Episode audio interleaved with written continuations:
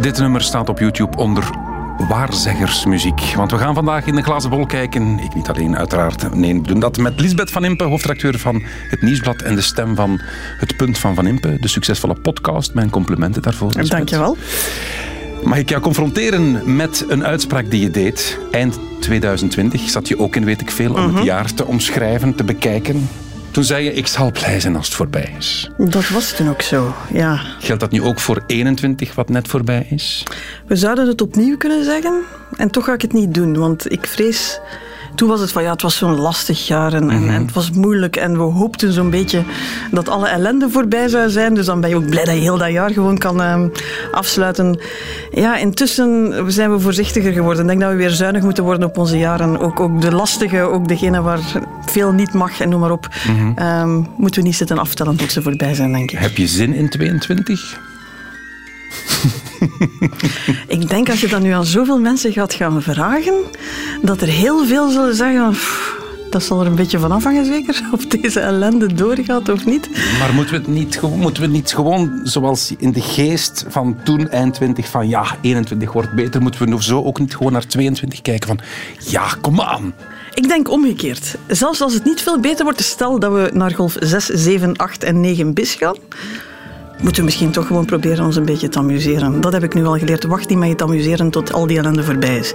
Gewoon ja, proberen te denken van we gaan er het beste van maken. Is dat iets? Dat is zo, zo heel Vlaams, hè. We gaan er het beste van Ja, maken. maar ja, anders zijn we allemaal straks 75 en zitten we nog eens te wachten op een jaar dat is wat trager voorbij mag gaan. Dus nee, ik denk dat we het... eh, Ik heb dat geleerd, ook de ellende went. Mijn voornemen was om een glazen bol gesprek te hebben met jou en het C, het coronawoord, niet te gebruiken. Maar dat is hopeloos. Dat gaat gewoon niet. Want het, op alle niveaus dat we willen bespreken, politiek, buitenland, economie, eender wat, het zit overal in. Hè. Het zit overal in. En intussen is ook duidelijk dat zelfs als het voorbij is, is het nog niet helemaal zeker dat het dan beter wordt. Dus ja, ik vrees dat we er toch gaan af en toe moeten aan refereren. Maar ik vind het een mooie, mooie ambitie om het niet de hele tijd over corona te hebben. Want eerlijk gezegd, als het golf, wat is dan 5, 6 en 7 is dit jaar, dat kennen we intussen. Hè. Nou, daar kunnen we niet veel nieuws over vertellen. Zucht. Goed, we kijken in de glazen bol. Wat brengt 2022 door de ogen van Lisbeth van Impe, hoofdredacteur van het Nieuwsblad. Fijn dat u luistert naar Weet ik Veel. Bijzonder welkom.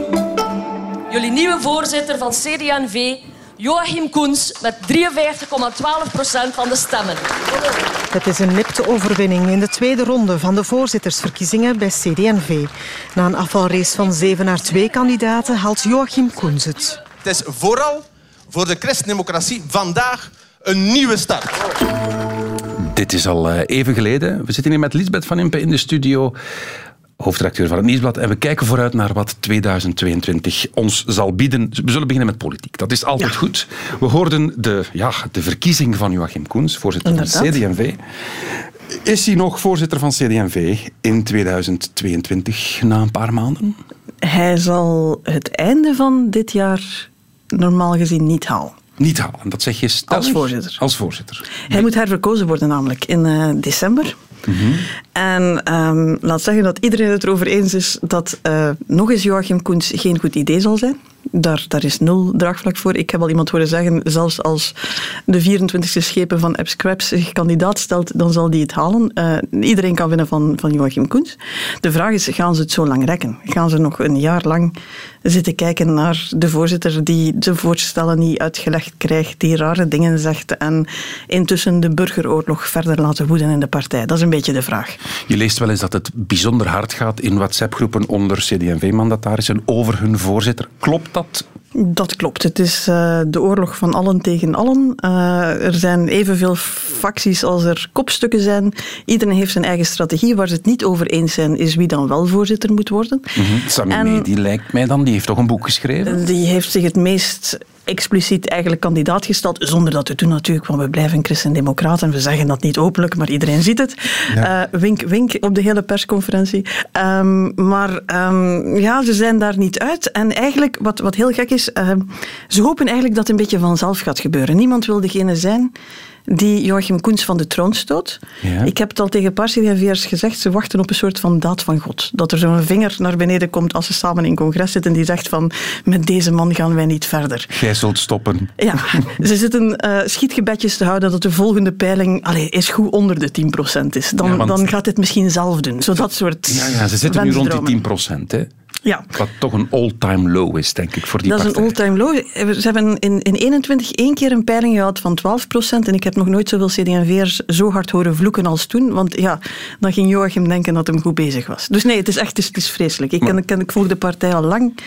Nee, het is niet fijn. Hoeveel procent kans dat hij op het einde van dit jaar nog voorzitter is?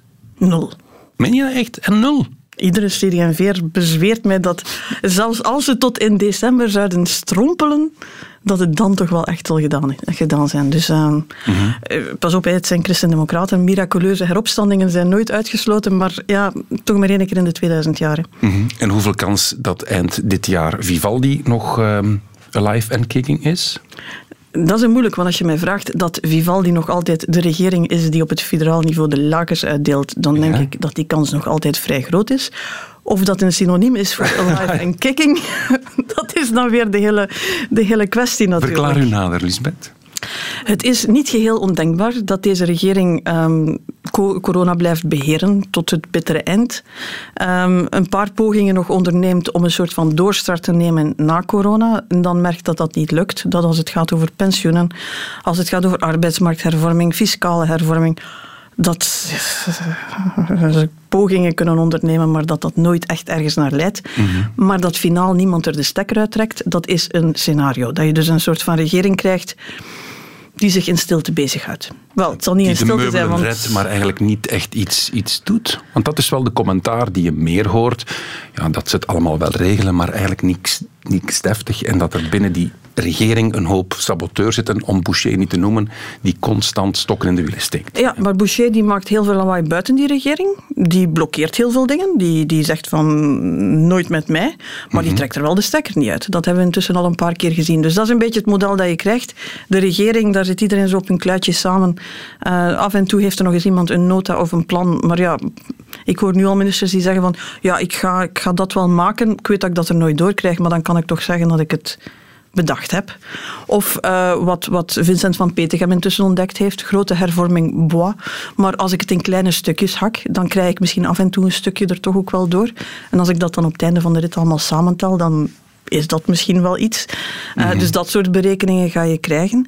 Eh, nu, dat is een kritiek die we al op eerdere regeringen ook gehad hebben. Die we ook al op Ja, dat het een beetje, dat de grote hervormingen. Ik zit intussen, ik zit even te denken, hè. ik ben tien jaar hoofdredacteur, ik loop bijna twintig jaar in de wedstrijd rond. En er zijn een pak grote dossiers die twintig jaar geleden al bijzonder dringend waren en nog altijd op de agenda staan. Ik wil maar zeggen, grote hervormingen, grote dossiers aanpakken, is al een tijd een probleem. Het wordt alleen maar moeilijker. Dus Vivaldi zal vallen, denk ik, op het moment dat PS en MR zo hard met elkaar botsen dat het echt niet meer gaat. En dan denk ik dat de PS er zou uittrekken, omdat ze te zenuwachtig worden, omdat ze te opgejaagd worden. Maar in, in zekere zin, de laatste peiling gaf winst aan PS en MR. En de eerste reactie bij mijn politico's was van, ja, slecht nieuws voor de Kro, want nu gaan ze voortdoen met ruzie maken, want ze worden ervoor beloond. En ik zei, eigenlijk goed nieuws, want ze, ze kunnen alle twee voortdoen zoals dat ze bezig zijn. Geen van de twee wordt zo zenuwachtig dat hij eruit moet stappen. Dus we krijgen meer van hetzelfde, denk ik. En we hebben al gezien dat dat kan blijven duren tot heel lang. hè. maar hoe, hoe we er nu over praten, dat is toch ook niet gezond. Hè? We zitten in een soort, zeker de politieke journalistiek, heb ik de indruk, zit in een soort de schouders ophalen en ja, het gaat nu al twintig jaar wat je zegt. Het gaat nu al twintig jaar zo. Zo zal het wel weer. We gaan ons weer naar het einde van dit jaar op die manier. Ik merk wel dat ik... is toch- kwa- ik, dat is toch ik, ik merk, ik merk, maar dat ik had me- mezelf beloofd kopen, het is net het nieuwe jaar, dat ik eh, het jaar wat rustiger ging beginnen dan ik het geëindigd ben. Want ik Ja. merk dat ik een beetje kwaad aan het worden ben. Vertel. Dat ik, ja, dat ik, ook als ik in debat zit met politici, als ik ermee in gesprek ga, aan de ene kant kan ik zo goed begrijpen waarom ze elk individueel zeggen hoe lastig het is en dat ze echt wel van goede wil zijn en zouden willen en noem maar op. En wel plannen hebben. En, maar de optelsom klopt niet meer. En daar legt iedereen zich maar bij neer. En daar komt iedereen met een uitleg. En iedereen heeft intussen genoeg woordvoerders in dienst om dat maar te blijven uitleggen. Uh, dat, het, dat dat de enige manier is waarop het nu gaat. En dat ja, het detail, de comma die ze verzet hebben, dan toch een grote hervorming zou moeten zijn. Of het plan dat ze gelanceerd hebben, dat ze al 25 keer gelanceerd hebben, dat we daar dan nog eens moeten uh, naar zitten kijken. En ik word er een beetje kwaad van, net omdat ik. En ja, dat was ja, mijn naïviteit een jaar geleden. Hè. Ik dacht, in deze omstandigheden, uniek, nooit meegemaakt, lockdowns en, en de centen deden er niet meer toe en we konden uitgaven doen en er, dat je het gevoel had van nu worden er toch dingen mogelijk die anders in normale omstandigheden niet mogelijk zijn. Nu gaan er zo'n paar mensen recht staan die zeggen van ik ga mijn verantwoordelijkheid nemen tegen alles in. En dat zie je dus niet gebeuren. Hè. Je ziet heel rap dat het weer vervalt in dezelfde spelletjes. Dus ja, cynisch. Ik, ik denk altijd als ik cynisch word, dan stop ik ermee. Dus ik heb maar één alternatief, kwaad worden. Maar ik ging dit jaar rustiger beginnen. Ik ging het echt, was een goed voornemen. Weet ik veel? Laten we nog heel even bij de politiek blijven, Lisbeth. Want we hebben al... Want daar worden we zo vrolijk van. Ja, we kunnen bijna niet anders. Want wat ligt er op de plank dit jaar? Wat moet er aangepakt worden? Het is duidelijk dat we... Klimaat komt terug. Uh, je voelt, ik denk dat we het er vorig jaar ook over hadden, we hebben precies in ons hoofd maar ruimte voor één groot probleem mm met een keer. Maar ik denk wel een keer dat corona naar de achtergrond verdwijnt, gaat klimaat terug naar voren komen. Mm daar, daar, daar kunnen we niet rond. Um, en dan, ja, take your pick. Hè. bedoel, we moeten het onderwijs terug op zijn poten krijgen. Uh, we moeten uh, stikstof trancheren uh, en, en helemaal uitvoeren en, en, en noem maar op. We gaan daar Zwijndrecht, ja wel bekend, toch eens moeten opgekuist krijgen. Ja. Zowel politiek als ja. ecologisch, denk ik. Um, we gaan moeten kijken, hè. gebeurt er nog iets op het vlak van fiscaliteit? Gaan we nog iets met die voetballers doen, dat soort dingen? Um, ja, Want genoeg, hè? Au fond hebben ze tijd. Er zijn geen verkiezingen. Dit jaar geen normaal gezien. Een, een, een voorspelling, Kobe. Ik ga het dan toch doen. Ik wil madame Soleil niet zijn, maar je gaat het vanaf dit jaar beginnen horen. Dat de verkiezingen te dichtbij komen. Nu al. Ze zijn net bezig. Ze zijn er, alle verkiezingen zitten in 24. Hè, dus 24 ja. hebben we alles samen. Ik voorspel je nu al dat er nu al politici gaan komen met... Ja, het wordt moeilijk, want de verkiezingen komen te dichtbij. Ik, ja, nog Meen je dat nu? Absoluut. Ik heb het dit jaar al een paar, ik heb het vorig jaar al een paar keer gehoord. Ik moet de switch nog maken. Hè. Ik heb het al een paar keer gehoord. Ja, ja, het wordt wel moeilijk. Ik dacht eerlijk gezegd dat het najaar van uh, 21 eigenlijk het laatste moment was dat ze niet gingen beginnen over de verkiezingen van 24 als iets wat in hun nek staat te hijgen. En uh, positionering, um, als je van... Je, je moet gaan denken, hè, serieuze dingen in de politiek vragen een beetje tijd. Dus stel dat je in 22 iets moois op poten zet. Mm -hmm. Iets waar een beetje moed voor nodig is. Iets waar ook wel wat voorbereidingswerk op zit. Wat wel even zal duren om te implementeren. Ja, dan ben je al een heel eind in 23 tegen dat dat eigenlijk echt in werking treedt. En dan riskeer je dat mensen alleen nog maar kwaad geworden zijn en nog niet gezien hebben dat het werkt, tegen dat ze ooit naar de stembus moeten. En daartussen komen dan alle persoonlijke carrièreplanningen van ja, wie wil waar burgemeester worden, wie wil waar lijsttrekker worden, noem maar op. Ja, dat vraagt ook allemaal veel energie. Hè? Dus ik vrees dat je het dit jaar al gaat horen. Maar 21 is net gedaan. Over drie jaar zijn het verkiezingen en toch zijn we er al over bezig. Dus dat nou, is de, over dat over is drie de... jaar zijn alle verkiezingen voorbij. Hè? Dus 24 is een verkiezingsjaar. Okay, dus maar... we hebben 22 en 23. Ja. Ja, oké. Okay. Maar inhoudelijk, dat klimaat, komen ze overeen? Nee. Nee, nee, dat is ook... Nee. nee. Maar goed, um, ik denk over de urgentie op zich zijn we het intussen al eens. Dat is, dat is al een grote stap vooruit. Hè. Dus ik denk dat iedereen, ook al de meeste partijen die, die aan de knoppen zitten, doorhebben dat er iets moet gebeuren. Ja. En dat je vervolgens een uitgebreid debat krijgt over wat dat iets dan juist is, ja, dat lijkt me wel politiek te zijn. Het zou gek zijn mochten ze allemaal wakker worden en zeggen van we zijn het over niks eens, maar over klimaat, grootste uitdaging van deze tijd, daar weten we perfect allemaal wat we moeten doen en het is allemaal hetzelfde. Ja. Dus je gaat daar constante discussie krijgen tussen ja, wat, wat moeten we doen, want veel daarvan wordt, wordt opgelegd, hè. komt van Europa, komt van beloftes die wij internationaal ook gedaan hebben over de reductie van CO2 en noem maar op. Mm-hmm. Dus wat moeten we doen? Hoe gaan we het doen? Gaan we het doen met nieuwe technologieën? Gaan we het doen met zuinigheid? En hoe gaan we dat allemaal betalen? En vooral ja, hopen dat dat er niet van tussen valt. Hoe gaan we ervoor zorgen dat degenen die misschien die, die, die het lastig zitten, die vaak dan ook nog eens in de in de meest vervuilende auto's rijden, in de slechtst geïsoleerde huizen wonen. Ja, dat je dat betaalbaar maakt. Want je voelt dat daar ook wel schrik begint in te zitten. Hè? Van ja, hoe hard gaat dit in de portemonnee zitten? Hoe hard, hard gaat dit in de portemonnee zitten van mensen die gewoon het geld ervoor niet hebben? Ehm, dus dat op de rails krijgen is een gigantische politieke uitdaging waar eerlijk gezegd debat er rond, laat het maar, laat het maar gebeuren. Wie weet eindigen we zo dan ergens in het midden dat dat oké Ja, is. maar door lang te debatteren gaan de energieprijzen omhoog. Gaan die blijven stijgen? Ehm, ja, nu, nu is het echt glas en bol. Daar moet je zo de macro-economen... Ik geloof dat de meesten voorspellen dat het een piek voorspellen eh, in, in, in het begin van het jaar en dat dat dan weer ruim naar beneden gaat. Maar ja, er zit niet achter mij als dat dan toch niet ander, anders blijkt Nee, uit te draaien. De- maar- internationale gasmarkt is nu niet mijn, eh, mijn tweede thuis. Oké, maar ja, zolang er geen oplossing is, is er chaos. Hè, want Is er gaat chaos? het licht nu uitgaan binnenkort of niet? Ik dat is denk het- dat het licht niet gaat uitgaan.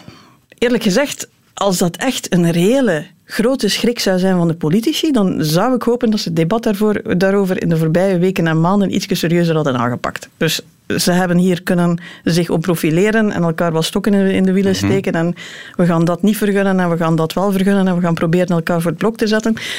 Iets zegt mij dat ze redelijk gerust zijn dat dat, dat, dat, dat, dat licht eigenlijk niet gaat uitgaan. Nochtans, ik lees van de oppositie federaal dan. Hè, voorzitter Bart de Wever, opiniestukken in de standaard. Wat is het allemaal? Ja, de, de grote apocalyps, het, het licht gaat uit. Maar ik hoor- En we, hangen af van, van Poetin en van... eh, Ja, maar Kobe, als dat nu echt...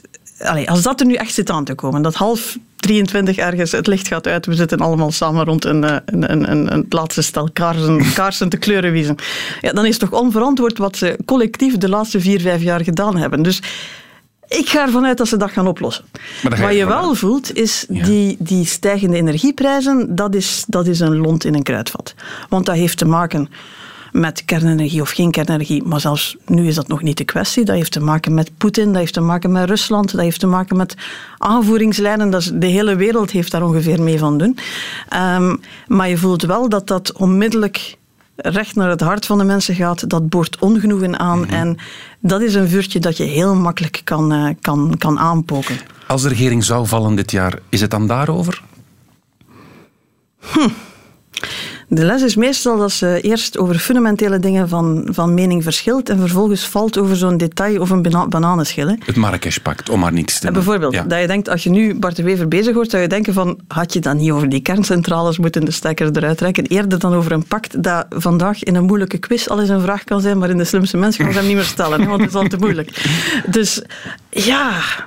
eh, De bananenschil kan je. Ze hebben ons in de geschiedenis ooit uitgeleerd. Het verschil tussen eh, aanleiding en oorzaak. De oorzaak zijn de diepe stromen eronder. Ja. De aanleiding is de bananenschil die ze op hun pad vinden. Hè. Dus ja, Maar de realiteit blijft, je zit daar met een partij, Groen Ecolo, die zeggen, en die blijven overtuigd, we gaan die boel sluiten. En je zit daar dan met een voorzitter van een liberale partij aan de Franstalige kant, we gaan ze, godverdikke, open houden. Dat is toch een onverzoenbaar gegeven. totdat het zich verzoent. hè.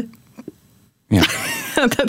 Ik wil maar zeggen, je kan daaruit geraken. Als je wil, kan je daaruit geraken. En je kan nog zeggen van, god, we gaan misschien eh, in de toekomst nog eens gaan eh, nadenken over, over kernenergie, nieuwe kerncentrales, wat dat de Nederlanders nu aan het doen zijn.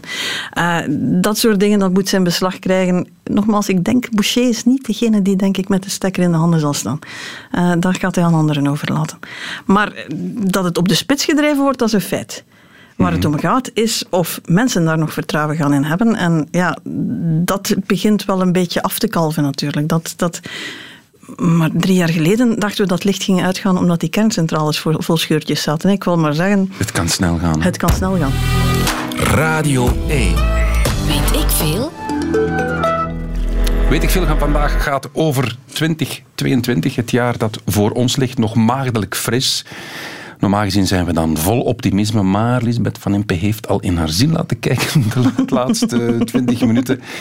En je zit er eens met een soort gelatenheid bij van, goh ja, we zien wel wat er komt. Vat ik het zo goed samen van, we zien wel.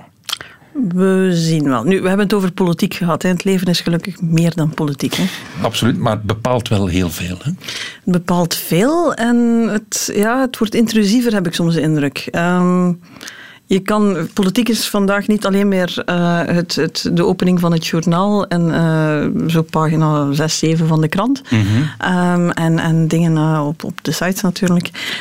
maar er zijn ook plekken waar het gewoon niet meer te ballen is. Hè. Ik weet niet of dat jij een, een, een twitteraar bent. Ik blijf daar heel ver van weg. Voor de mentale gezondheid is het soms mm -hmm. een, een, zegen. Ik moet daar beroepshalve wat op zetten. Ik, ik tweet zelf niet. Maar je begint te voelen hoe... Um, dat overal begint door te dringen. Zo het permanente gevecht. En je kan zeggen, dat is toch fantastisch. De ideeën die botsen, noem maar op. Uh, het debat dat leeft. Uh, zoveel mogelijk mensen die daaraan participeren. Niet alleen toevallig de mensen die daar uh, in een half rond zitten. Maar ik zit er soms wel met een beetje bezorgdheid naar te kijken. Welke bezorgdheid dan? Eén, dat het zo'n beetje alles overneemt en ik zie heel weinig debat. Ik zie heel veel stellingen die dan maar gewoon, ja, ook, ook heel hard op de man gespeeld soms. Uh, een, een verzuring die daarin zit, een, een, een, een cultuur ook van de luide roepers. Ik weet dat ik mezelf altijd weer moet dwingen om te kijken van, ja, je kan op Twitter zitten een dag en denken de hele wereld is nu heel mm -hmm. met, dit, met die ene rel bezig geweest. En dan spreek je met, met iemand die daar de hele dag niks over gehoord heeft, zich niet bewust was van het feit dat daar blijkbaar een gevecht op leven en dood boven onze hoofden zich afspeelde. En dan denk ik altijd wel van ja, heel veel mensen staan nog altijd gewoon met de voeten in het echte leven. Ik denk dat er ooit er gaan ooit in, in, psychiatrische handleidingen dingen geschreven worden over dit tij, tijdsgevricht waar mensen zo hard zijn beginnen tweeten en Instagrammen en noem maar op en dat dat naar allerlei syndromen geleid heeft, denk ik. Want van sommige mensen zit ik, zit ik te kijken en denk ik, ik hoop dat dit een betaalde job is voor jou, want ik zie niet hoe jij nog iets anders gedaan krijgt ja. op een dag. Gaat dat nog ja, afnemen in 22 waarschijnlijk niet. Hè? Want het, het gaat niet afnemen, nee, het gaat nee. verder gaan. En gaat het nog meer de agenda bepalen? Want je zegt nu wel, het zijn maar x aantal mensen die daarmee bezig zijn, maar het bepaalt agenda's. Ik denk niet dat het op zich nog gaat afnemen. Ik denk wel dat we er stilletjes aan, hopelijk, beter leren mee omgaan. Um, het kan een soort van uh, thermometer zijn hè, in, in de poep van de samenleving om te kijken wat, wat kookt er op dit moment over. Het hol. dat is van de leeuw. Ja. ja. Um, het, het kan dat zijn en dan kan het zelfs zijn nut ervoor hebben, maar uh, het is geen één op één uh, het valt niet één op één samen met de samenleving, wat daar leeft, wat daar belangrijk is. Um, en ik denk, onder andere, wij journalisten hebben daar een verantwoordelijkheid in, hè, om dat tot zijn ware proporties terug te herleiden. Mm -hmm. um, het is ook niet tussen het was geen aandacht waard of het was alle aandacht waard die het gekregen heeft. Hè. Dingen tot hun ware proporties herleiden. En ik vermoed dat dat op veel manieren gebeurt. Dat gebeurt door professionele journalisten die zeggen van... Goh, deze gaan we laten passeren. Dit lijkt nogal de in-crowd van Twitter geweest te zijn. Dit is misschien wel iets wat maatschappelijk leeft en waar we iets kunnen meedoen. Maar dat heeft ook te maken met persoonlijk mensen die, zoals jij, zeggen van... Goh, van sommige, ik zet het ook af en toe eens af. Of ik kijk niet, of ik limiteer het een beetje en ik laat me ja. er niet helemaal door domineren. Wat mij vooral opvalt als je, als je gaat kijken op, op, een bepaalde, op een bepaald moment gebeurt er iets in de wereld dat je eigenlijk wel nieuwsgierig bent. Hoe, wat denkt Twitter daarover? Dat is wel ja, een, een, een goede moment, vind ik, om te kijken. En dan merk ik vooral de extreme tegenstellingen. Het is ja. zwart en wit. Ja, en dus... 50 tinten grijs is echt lang geleden een bestseller geweest. Ja, en dat kan gaan over de geopolitiek VS versus China, maar dat kan evengoed over het kapsel van Natalia gaan in een of andere opname ja. van VTM, waar even grote emoties rondspelen dat je denkt van... Het is daar dat ik me soms van afvraag van hoe komen deze mensen de dag door? Ja. Ik word betaald om een mening per dag te hebben. Ik vind dat al een bijzonder hoog debiet. Ik moet daar al eens over nadenken. Ik moet daar, er zijn dagen dat ik denk van niet weer, kan ik het overslaan? En ik zie nu mensen passeren die, die, die 50, 75, 100 meningen op een dag hebben over alles. Hè, van China, uh, VS tot het kapsel van Natalia. Mm -hmm. Dat kan niet gezond zijn, denk ik. En ik denk, ja wie dat wil doen en wie, daarin dat, uh, wie zich daar amuseert, uh, geen probleem. Maar als samenleving moet je toch de dingen tot hun proportie herleiden. En ik denk dat wij daar ook wel een rol in te spelen hebben. Horen politici op Twitter te zitten? Ze kunnen niet anders. Ze kunnen niet anders. Het is een, rechtstreekse manier om te communiceren zonder een journalist bij die vervelende vragen stelt. Dus mm -hmm. het is een rechtstreeks communicatiekanaal naar hun. Zorgt dat voor beter beleid? Uh, niet noodzakelijk, maar dat een politicus wil communiceren, ga ik hem nooit verwijten. Uh, wat je ziet is dat um, als er een nieuwe technologische uitvinding is, dan um, ja, wordt die eerst gebruikt uh, om, om er op een of andere manier porno op te krijgen. En vervolgens wordt, is de tweede stap dat, dat we naar cynisme gaan. Ja? Dus wat je ziet bij politiek is dat men intussen geleerd heeft om dat te manipuleren. Uh, Twitter te gebruiken, wat Trump deed. Hè exemplarisch. Propaganda. Voor in de boekjes.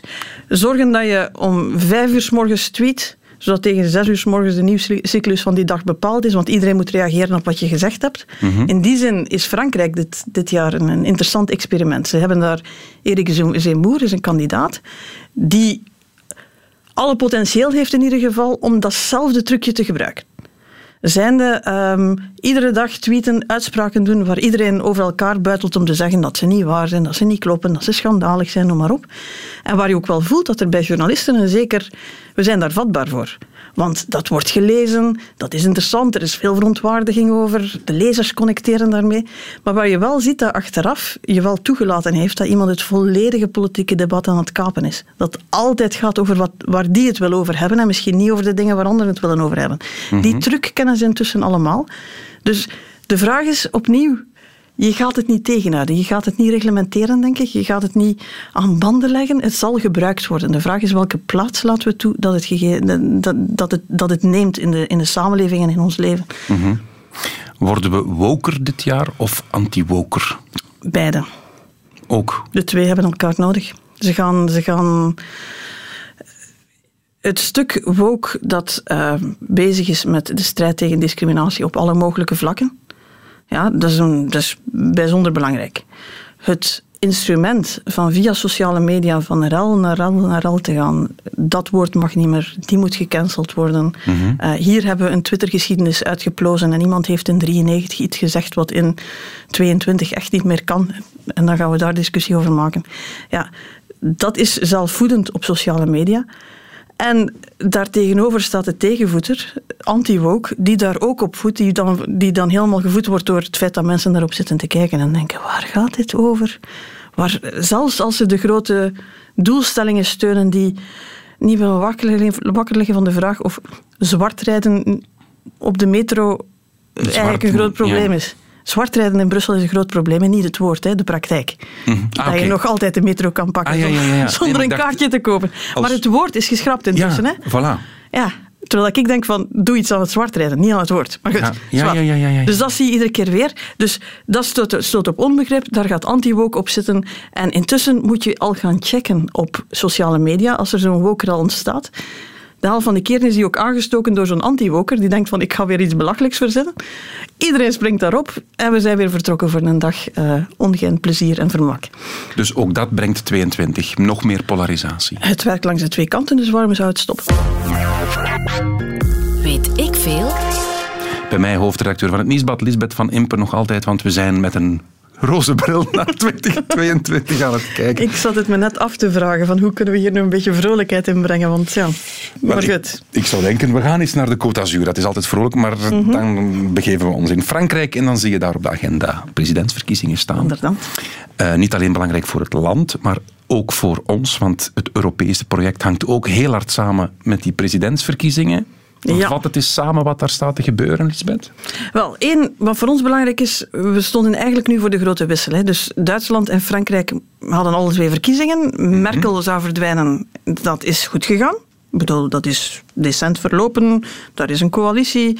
Uh, het centrum heeft daar onder elkaar uitgemaakt dat ze eigenlijk redelijk gaan doordoen, dat ze bezig waren. Ja. Met wat andere gezichten. Goed. Voilà.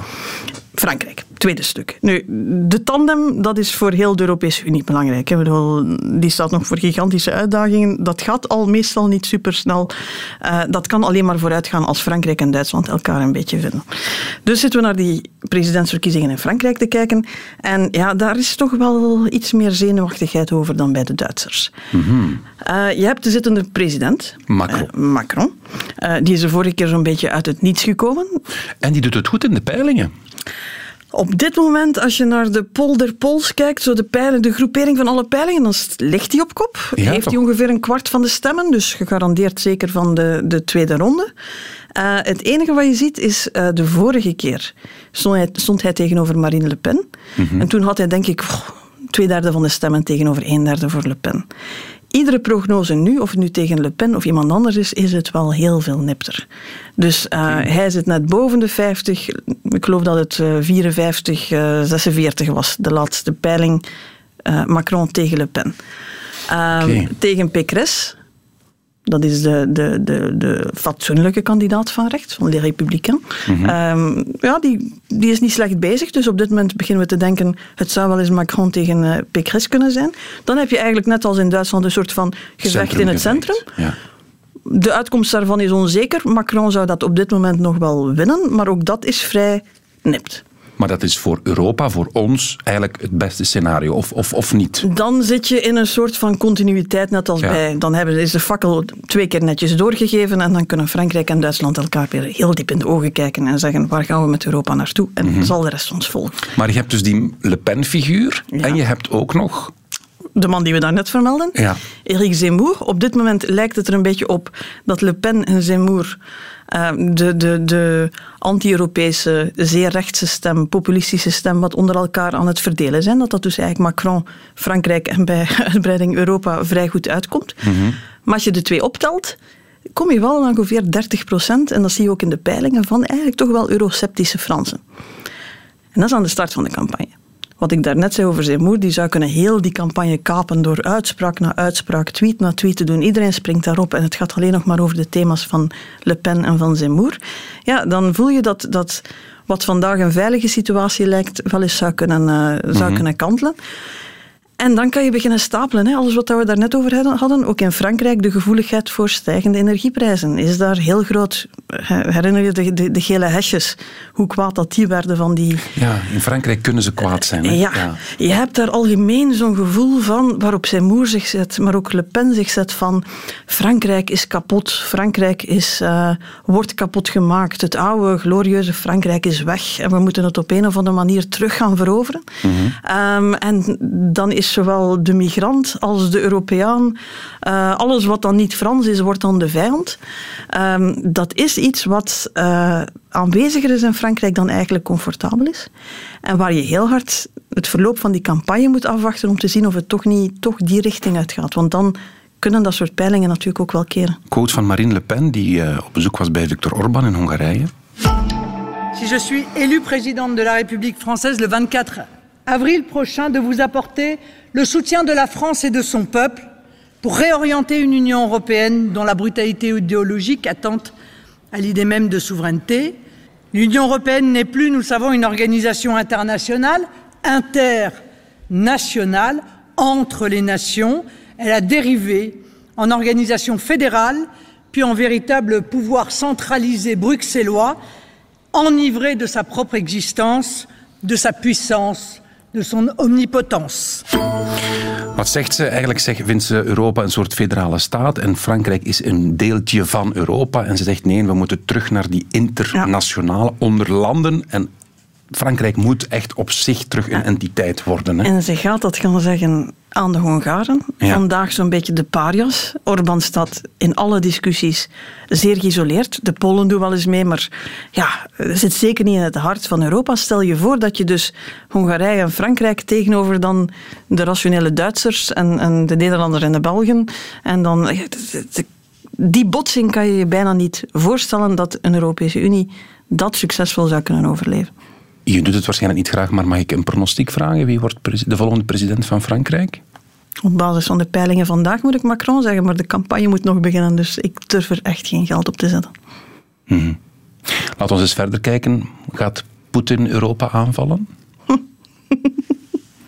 Ja, het is geen vrolijk uurtje radio. Nee, jongens. nee. We, um, ook dat is, is toch uh, iets dat... Het is dat de schrik, hè. De troepen staan aan, uh, hebben zich verzameld. En dan is altijd de vraag, gaat hij Oekraïne binnenvallen? En als hij Oekraïne zou binnenvallen, wat gebeurt er dan? Mm-hmm. Uh, krijg je dan een soort van conflict terug op Europees grondgebied? Um, ja, we zijn daar met vuur aan het spelen, hè. Je hebt dan nog die gekke Wit-Russen erboven zitten, die dan denken van, we vliegen nog wat... Uh, vluchtelingen in, zodat we die aan de grens met Polen kunnen droppen. Dus de oostgrens, heel lang iets wat was waar we een beetje, ja, we waren die af en toe eens aan het verleggen. Hè. Dat werd maar meer en meer Europa. Ja, dat is, dat is wel weer een harde grens aan het worden. Mhm. Dat kan je, kan je niet naast kijken. En allee, ik, ik, ik, ga gewoon voor de grote pijn meteen. Uh, het is dan nog niet eens het toneel waar we met het meest spanning naar zitten te kijken.